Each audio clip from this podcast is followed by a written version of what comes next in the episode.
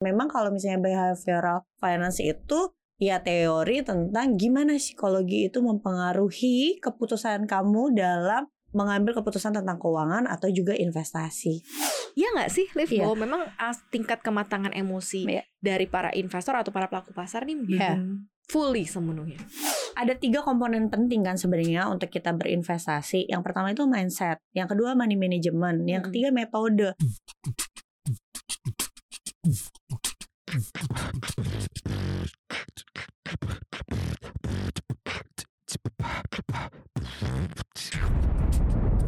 Cuap-cuap cuan. Halo Sobat Cuan, apa kabar? Selamat Halo. datang di podcast. Ih, kamu suara seksi banget. iya. Ini bukan sakit loh, nggak tahu kenapa. Oh, ini berarti lagi agak-agak serak-serak Iya. uh, basah gitu. Iya. Ini nggak sakit tapi Enggak, kan udah sembuh. hormonal. Iya mungkin ya. Kamu berubah suaranya kayak anak ABG gitu ya. Tapi ini lebih kece banget loh Sobat Cuan. Aku mau pembukaan, mau opening tapi distract suaranya Kak Olive keren banget ya. Jadi berkarakter. Selamat datang di podcast Cuap Cuap Cuan di segmen Talk with Expert. Hari ini ada Maria Katarina dan juga Olivia Louis, Financial Expert CNBC Indonesia. Kita ngobrol nih. Setelah kayak udah jeda lama ya kita nggak ngobrol nih, Pak, Iya. ya. Karena kamu tuh kemarin Iya, sempat suaranya sakit, hilang. Suaranya Iya. hilang. Sekarang menuju ke seksi Iya. gitu ya. Iya. Oke. Kita uh, refresh lagi nih ya pengetahuan sobat cuan seputar finansial. Tracknya udah bagus atau belum sih ya financialsnya? Nah, bicara mengenai track yang bagus atau belum, ini kita ngomongin soal masalah uh, behavioral ya. Behavioral itu kan kebiasaan ya, behavioral finance. Kebiasaan-kebiasaan di uh, penataan keuangan atau memandang uang atau Mm-mm. melihat uang gitu ya. Ini kayak ini faktor psikologi sih, karena kan di Hmm. di di psikologi sendiri ada eh, banyak tuh Mm-mm. eh, teori-teori kepribadian ya, Iya. termasuk di dalamnya ada eh, behavioral eh, finance juga masuk ke sana sebenarnya. Jadi kita tuh dalam menata sebuah keuangan ada faktor eh, psikologi yang Iya, ada di dalamnya mempengaruhi. Jadi kayak eh, cara orang tua mendidik kita, cara Yes. kita pernah dikenalkan tentang uang waktu masa kecil, terus seperti apa kita eh, memanage uang itu ditentuin dari mana kita berasal Iya. sebenarnya. Tapi bukan berarti bis, tidak bisa dirubah ya. Betul. Nah pendekatan kita mau ke mana nih, Liv? Oke, jadi pendekatannya sih sebenarnya belakangan yang lagi rame ini tentang isu resesi global gitu Mhm. ya. Tapi kan em, karena ini rame gitu Mhm. ya, semua bahas, berita bahas, influencer bahas Yes. gitu ya. Jadi kesannya tuh segitu menakutkannya. Akhirnya nih Mhm. banyak orang-orang yang mungkin mengambil keputusan-keputusan yang tidak biasanya dalam keuangan dan juga keputusan investasinya Hmm. gitu. Jadi karena Keputusannya takut, lebih ke ketakutan. Oh, karena fearness ya, ada Betul, ketakutan karena ya. fairness. Nah, memang kalau misalnya behavioral finance itu ya teori tentang gimana psikologi itu mempengaruhi keputusan kamu dalam mengambil keputusan tentang keuangan atau juga investasi seperti itu. Nah, kalau behavioral finance sendiri kan ada dua ya. Mhm. Kita kenalnya bias kognitif dan juga bias emosi gitu. Mhm, Jadi ada mhm. faktor kognitif dan juga ada faktor emosi Mm-mm. yang bisa mempengaruhi gitu. Nah, biasanya eh, behavioral ini atau bias-bias ini itu yang bisa menyebabkan kita tuh jadinya kalau misalnya tadi kita punya financial goals, eh di tengah jalan jadi nggak disiplin, Hmm. jadi terganggu gitu karena eh, bias-bias ini Oke, banyak bias satu kognitif, satu eh, emosi. emosi. Di dalamnya ada berbagai macam lagi. Kalau sekarang berarti yang lebih banyak terjadi karena emosi dong, Iya. ketimbang compare to kognitif ya. Eh, kognitifnya ada, emosinya ada. Jadi misalnya nih contoh kalau misalnya yang paling banyak ya Hmm. yang aku lihat di masyarakat kita mereka itu menyikapi berita atau informasi itu mereka lebih ke confirmation bias. Confirmation bias itu kan dia bias kognitif ya di Hmm. mana seseorang itu biasanya hanya mau membaca atau menonton sesuatu yang mendukung eh, Opininya, opininya dia, yes. betul. Hmm. Contoh nih kan bener gitu. Iya, gitu betul. ya. Contoh nih misalnya ya, kalau sekarang nih di dunia investasi aja terpecah menjadi dua kubu gitu ya. Ada yang Hmm. ah kayaknya 2023 resesi nih IHSG nggak Hmm, bagus. hmm, Ada hmm. yang enggak kok kita nggak apa-apa. Ekonomi kita re- Hmm. resilience, kita Hmm. berbeda dengan negara barat misalnya seperti itu ya. Nah, yang kayak gini pasti setiap individunya akan ada confirmation bias. Orang-orang yang lebih pro, oh kayaknya resesi nih, pasti Hmm. akan cari berita-berita yang mendukung opini dia. Tapi orang-orang yang beranggapan, oh Indonesia resilience nih, keuangan Hmm. kita nggak akan kenapa-napa, ekonomi Indonesia nggak akan kenapa, pasti akan cari data atau informasi yang mendukung opininya. seperti itu. Hmm, Harusnya sih jangan kayak gitu ya, Hmm. harus jadi being netral ya. Hmm. Tapi kan memang ini bisa terjadi bukan hanya satu dua isu doang kan Mhm, ya. Mungkin betul. bisa jadi karena dari as a personal misalnya kalau di lingkup yang paling kecil ketika kita megang saham tertentu terus ada isu-isu yang membuat kita jadi nggak yakin sama perusahaannya gitu padahal kita udah tahu awal mula kita memutuskan itu tuh juga bisa membuat kita jadi out dari Iya, market gitu iya. kan ya pindah dari satu aset ke aset Betul. lain itu juga bisa kan Iya. Nah untuk menyikapi hal-hal seperti ini khususnya kalau kita bicara mengenai lingkup soal resesi deh Hmm. kayak gimana nih beberapa sudah ada yang mengambil keputusan udah take action Hmm. mungkin beberapa masih ada yang nunggu nih nanti akan seperti apa. Oke. Nah, baiknya seperti apa sih? Karena mungkin aja aku rasa kan Hmm. kan kita bicara behavior finance. Aku rasa orang-orang yang kemudian memutuskan untuk out itu dia kayak belajar dari waktu itu, waktu pas Hmm. sebelum mungkin awal-awal pandemi. Dia ngerasa dia telat mengamankan Hmm. asetnya dan mengalami kerugian pada saat itu makanya mereka jadi takut. Oke. Kan ini kita uh, ada ada ada ada kondisi emosi-emosi Mhm, tertentu kan betul. yang melatar belakangi. Betul. Nah, bisa jadi ke situ nggak sih? Oke. Jadi sebenarnya eh, alasan untuk orang keluar dari market itu macam-macam sebabnya seperti Hmm. yang tadi Kak Maria sampaikan di awal keputusan itu kadang tergantung juga sama gaya didik kita di sebuah keluarga Mm-mm. seperti itu. Nah, cuma kalau di behavioral finance sendiri itu yang dari bias emosinya ada yang namanya loss aversion bias. Mhm. Di mana biasanya orang itu cenderung untuk menghindari kerugian Betul, Ya, that's true. cenderung Mhm. men- menghindari kerugian itu Mhm. kenapa Uh, banyak investor cenderung lebih suka membeli uh, sebuah instrumen atau juga misalnya saham ketika harganya sedang naik Mhm, dibanding ketika harganya gitu ya. sedang turun Mhm. iya. Nah, uh, investor-investor yang seperti ini itu nantinya kalau misalnya belinya ketik berani belinya ketika naik kalau ada berita buruk sedikit jadi perasaan takutnya berlebihan karena Mhm. belinya sudah di atas gitu ya akhirnya banyak investor retail kita itu yang cenderung weak hand Hmm, gitu ya. oke. menjual terlalu cepat karena kepanikan yang berlebihan Hmm. Seperti itu. Tapi kak apakah loss aversion itu nggak bagus? Ya namanya juga manusia. Di dalam otak kita kan ada amigdala ya. Mhm, itu mhm, bagian otak yang di mana kita memang uh, bereaksi Hmm. ketika ada sesuatu yang menakutkan. Misalnya kayak kita melihat ular seperti itu.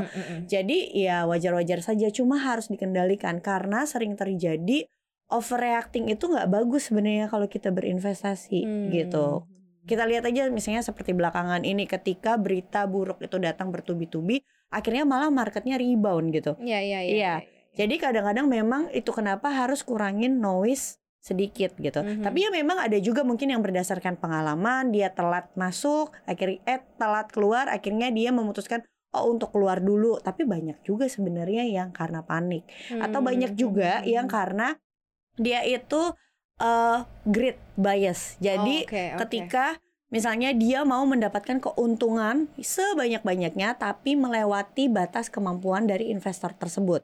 Misalnya Mhm, nih, mhm. ketika marketnya lagi bagus, dia tahu oh misalnya ada influencer A atau misalnya ada edukator A yang bilang saham A bagus. Dia nggak punya uangnya gitu. Akhirnya dia pakai uang untuk keperluan sehari-hari. Mhm. Itu kan melewati batas kemampuan ya kan. Betul, Yang betul. di mana itu bukan alokasi untuk investasi atau dia pinjaman online Mhm, seperti itu kan atau gadai. Tapi ternyata ketika marketnya ada faktor eksternal yang mempengaruhi, misalnya kenaikan kaget, suku panik, bunga dan Fed, harus jual karena mungkin dia koreksi. harus balikin uang pinjol, Hmm, hmm, harus hmm, kembaliin hmm. aset yang udah dia gadai, atau Hmm. misalnya uang tersebut karena mau dipakai di, untuk bayar sekolah, Hmm. seperti itu. Hmm. Ini berarti menandakan sebenarnya rata-rata eh, masyarakat Indonesia gitu ya atau mungkin investor atau mungkin para pelaku pasar di Indonesia tidak disertai dengan eh, self emotions Hmm. yang cukup matang Iya, sih? iya. Artinya sebenarnya ketika mereka mau memilih atau eh, masuk ke dalam sesuatu hal yang Hmm. baru gitu ya mungkin lingkup baru Iya. tadinya nggak kenal investasi Iya. terus mereka kenal Iya. investasi tadinya mereka nggak kenal cara-cara memutar uang selain mungkin nabung Iya. gitu kemudian mereka tahu yang lain tahu Hmm. banyak hal tapi tidak disertai dengan self emotion yang Iya. matang gitu Yes. jadi mereka masuk masuk ya udah gitu mereka kayak istilahnya kan ada ada istilah yang mengatakan bahwa sambil menyelam minum air Betul. gitu but somehow it's not worth it Yes. kan ini malah Nah, berbahaya bisa betul. bikin kamu tenggelam Betul, gitu betul. nah iya nggak sih Liv Iya. bahwa memang tingkat kematangan emosi Iya. dari para investor atau para pelaku pasar nih belum Iya. Fully sepenuhnya. Setuju banget apa yang Kak Maria bilang. Jadi kalau misalnya di Indonesia ya, aku lihat semenjak tahun 2020 jumlah investor saham kita ya, terutama Mhm. kita ngomongin yang agresif ya, instrumen yang agresif. Itu tumbuhnya memang cepat. Tapi kita harus lihat lagi, tumbuhnya cepat tapi eh, mereka itu cenderung lebih weekend gitu. Mhm. Karena kalau aku lihat banyakan di eh, bursa kita itu banyakan adalah herding bias. Jadi Hmm. mereka cenderung mengikuti seorang influencer Yes. atau misalnya seorang edukator atau berita tertentu, kanal eh, Instagram tertentu Hmm. gitu ya. Apa yang mereka bilang ikutin gitu kan. Mhm. Tanpa kemampuan atau tanpa pengetahuan tentang misalnya money management atau metode analisa dan Mhm. juga mindset itu sendiri. Ya akhirnya ketika sesuatu terjadi gitu ya misalnya mendadak faktor ek- eksternal ya pasti itu berpengaruh sekali sama marketnya. Makanya kenapa market kita volatilitasnya sangat tinggi Benar. gitu ya. Naik sedikit tiba-tiba pagi naik dikit sorenya bisa, bisa turun, turun, dan iya. kebanyakan eh, investor kita itu karena sekarang itu Gen Z-nya cepat banget ya pertumbuhannya di investor kita mereka itu cenderung lebih suka beli saham-saham yang nominalnya itu murah Mhm. jadi kan Mhm. kalau yang nominalnya murah biasanya tidak semua ya, itu Hmm. saham-saham small cap Ya, ya, ya. ya. ya. Dan volatilitasnya tinggi sekali. Benar. Seperti itu. Mungkin juga karena perubahan mindset bisa nggak sih kalau? Artinya ya mereka tahu nih bahwa investasi di sini risky, eh, Hmm. beresiko ya in cepet out cepet. Karena kan kalau dulu mungkin di eh, zaman ketika aku kenal market gitu ya, which is itu kayak 10 years gitu, 10 Hmm. tahun lalu, ih lama banget ih gue, 10 tahun lalu gitu Hmm. ya, di mana aku mengenal uh, market, kemudian uh, indeks itu aku belajar sesuatu hal yang memang by proses. Mhm. Dan memang pada saat itu kondisi dari volatilitas kenaikan dan penurunan sahamnya Hmm. masih masih cukup uh, apa namanya bisa terkontrol. Hmm. Pemainnya juga nggak semasif sekarang. Tapi kan karena berhubung perkembangan waktu, kemudian juga pemain atau pelaku pasar sudah semakin muda. Jadi tingkat apa ya, tingkat emosional yang main lebih lebih lebih terasa, makanya Oke. tingkat volatilitasnya lebih tinggi gitu. Kalau aku sih lebih melihatnya seperti ini ya. Kalau seharusnya ya kalau investornya tambah banyak, marketnya kan harusnya lebih efisien. Benar. Seperti di Amerika misalnya Mhm. 50% masyarakatnya terjun di market saham gitu atau misalnya seperti Singapura gitu ya. Mhm. Tapi kalau kita tuh masih jauh banget dari kata efisien. Jadi Benar, masih tidak benar. efisien gitu. Bertumbuh banyak iya, tapi masih sangat sedikit. Kalau aku lebih melihatnya ke semoga nggak ada yang tersinggung aku ngomong ini karena yang sekarang itu sosial media itu perannya jauh lebih penting daripada portal berita. Mhm. Tapi mungkin lebih banyak edukator atau influencer yang mungkin trader ya Oh oke. Kayak gitu. oke, Tapi oke. aku nggak nyalain loh itu kan eh, bagian dari apa namanya strategi ya I mean Mhm, aku juga mhm. trading ada Mhm. saham-saham yang aku trading gitu Hmm. jadi tapi masalahnya tingkat emosional dari pelaku marketnya sama orang yang dia ikutin jelas kan jauh berbeda ya Mhm. nah itu biasanya yang lebih mempengaruhi gitu kenapa Oke, dia lebih oke. bisa weekend tapi sebenarnya investor atau edukatornya ya nggak seperti itu gitu Mhm. menjalaninya gitu Sebenarnya nggak salah juga sih orang salah. itu mencari guidance ya. Iya. Yang paling gampang nyari guidance itu atau edukator itu kan emang lewat Mm-mm. sosial Iya. media dan memang disediakan pertumbuhannya juga luar Iya. biasa. Nah mungkin di sini kita bisa colek juga nih uh, otoritas mungkin Iya. untuk juga ikut gitu ya lebih ke grassroots akar rumput orang-orang yang memang bisa atau perlu Hmm. di guidance Hmm. gitu.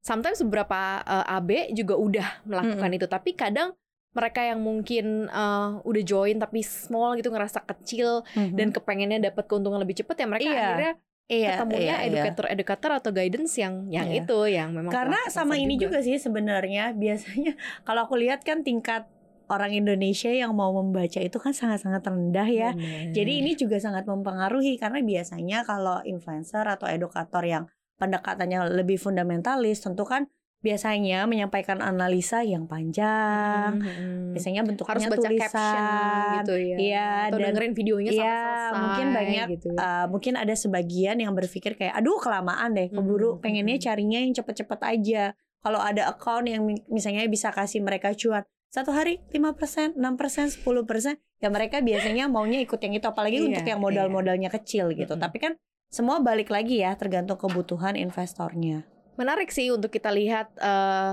kemajuan atau seperti apa behavioral eh, Mm-mm. finance ya Tapi lebih baik sih sebenarnya ya yang mungkin masih serantal seruntul, yang masih nabrak-nabrak mungkin agak sedikit Iya. diperbaiki ya. Karena bukan berarti tidak bisa dirubah gitu. Betul. Itu bisa dirubah Betul. ya, Kak Olivia. Jadi semuanya bisa kita mulai dari diri kita dan kalau seandainya eh, dengan cara kamu sekarang masih belum bisa bagus gitu ya pertumbuhan Mhm. investasinya berarti ada yang salah. Iya, karena Gitu. kan gini, kalau kita ya, kalau misalnya ada satu buku yang bagus banget, Welcome into my trading room. Walaupun ini bukunya untuk day trader, aku bukan day trader, tapi buku ini bagus banget untuk ngajarin uh, mindset gitu ya.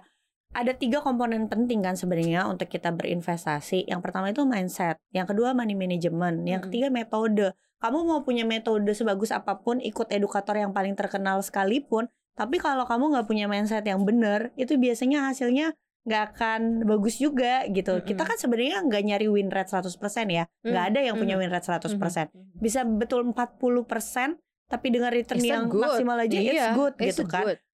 Oh, banyak orang terlalu fokusnya sama metode. Mereka akan mencari kayak misalnya nanya ya, "Kak, indikator apa yang paling bagus? Mhm. Yang kerugiannya bisa paling rendah?" Ya nggak ada. Semua Mm-mm. kan Mhm. mau metodenya yang paling bagus sekalipun, yang kayak Warren Buffett juga pasti kan dia ada loss-nya. Iya, iya, iya. Semua kan tapi tergantung di mindset psikolo- psikologi kamu dalam menghadapi Mhm. misalnya market. Ini bukan cuma market ya, tapi keuangan. Apa pun, iya, betul. keuangan kayak misalnya impulsif buying itu kan juga bagian dari behavioral finance kan, Iya, gitu. bagaimana kamu memperlakukan uang Iya, kalau iya. kamu memang benar-benar menghargai apalagi duitnya Iya, hasil jerih payah iya. gitu ya pasti kamu akan benar-benar secara strict detail atau mungkin hati-hati Iya. dalam menggunakannya oh itu sekecil apa pun ah gue kan budgetnya kecil nggak apa-apa deh hilang sini Hmm. jangan gitu karena Mm-mm. itu uang juga nggak ter- turun dari langit atau Iya, dipetik di bener. pohon gitu ya Nah, itu, tuh energi kamu gitu banyak deh Iya kayak kan? gitu. Mungkin karena mereka merasa kayak oh modalnya dikit nih. Jadi kayak hilang.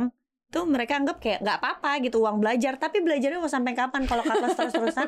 Itu bukan belajar namanya. Berarti ada yang salah sama Ah, trading iya. system ya.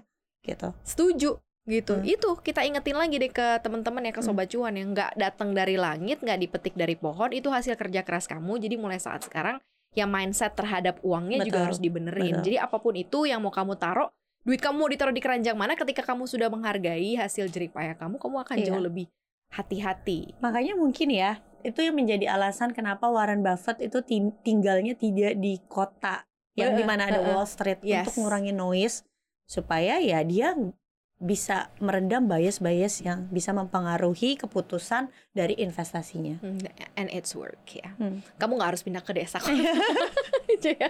tapi kalau misalnya punya tempat atau ruang sebenarnya untuk kita berpikir sebelum memutuskan Hmm. itu jauh lebih baik sih Ya, sometimes tuh ya nggak buka Instagram itu ketika berita buruk lagi banyak itu ada Benar. bagusnya loh.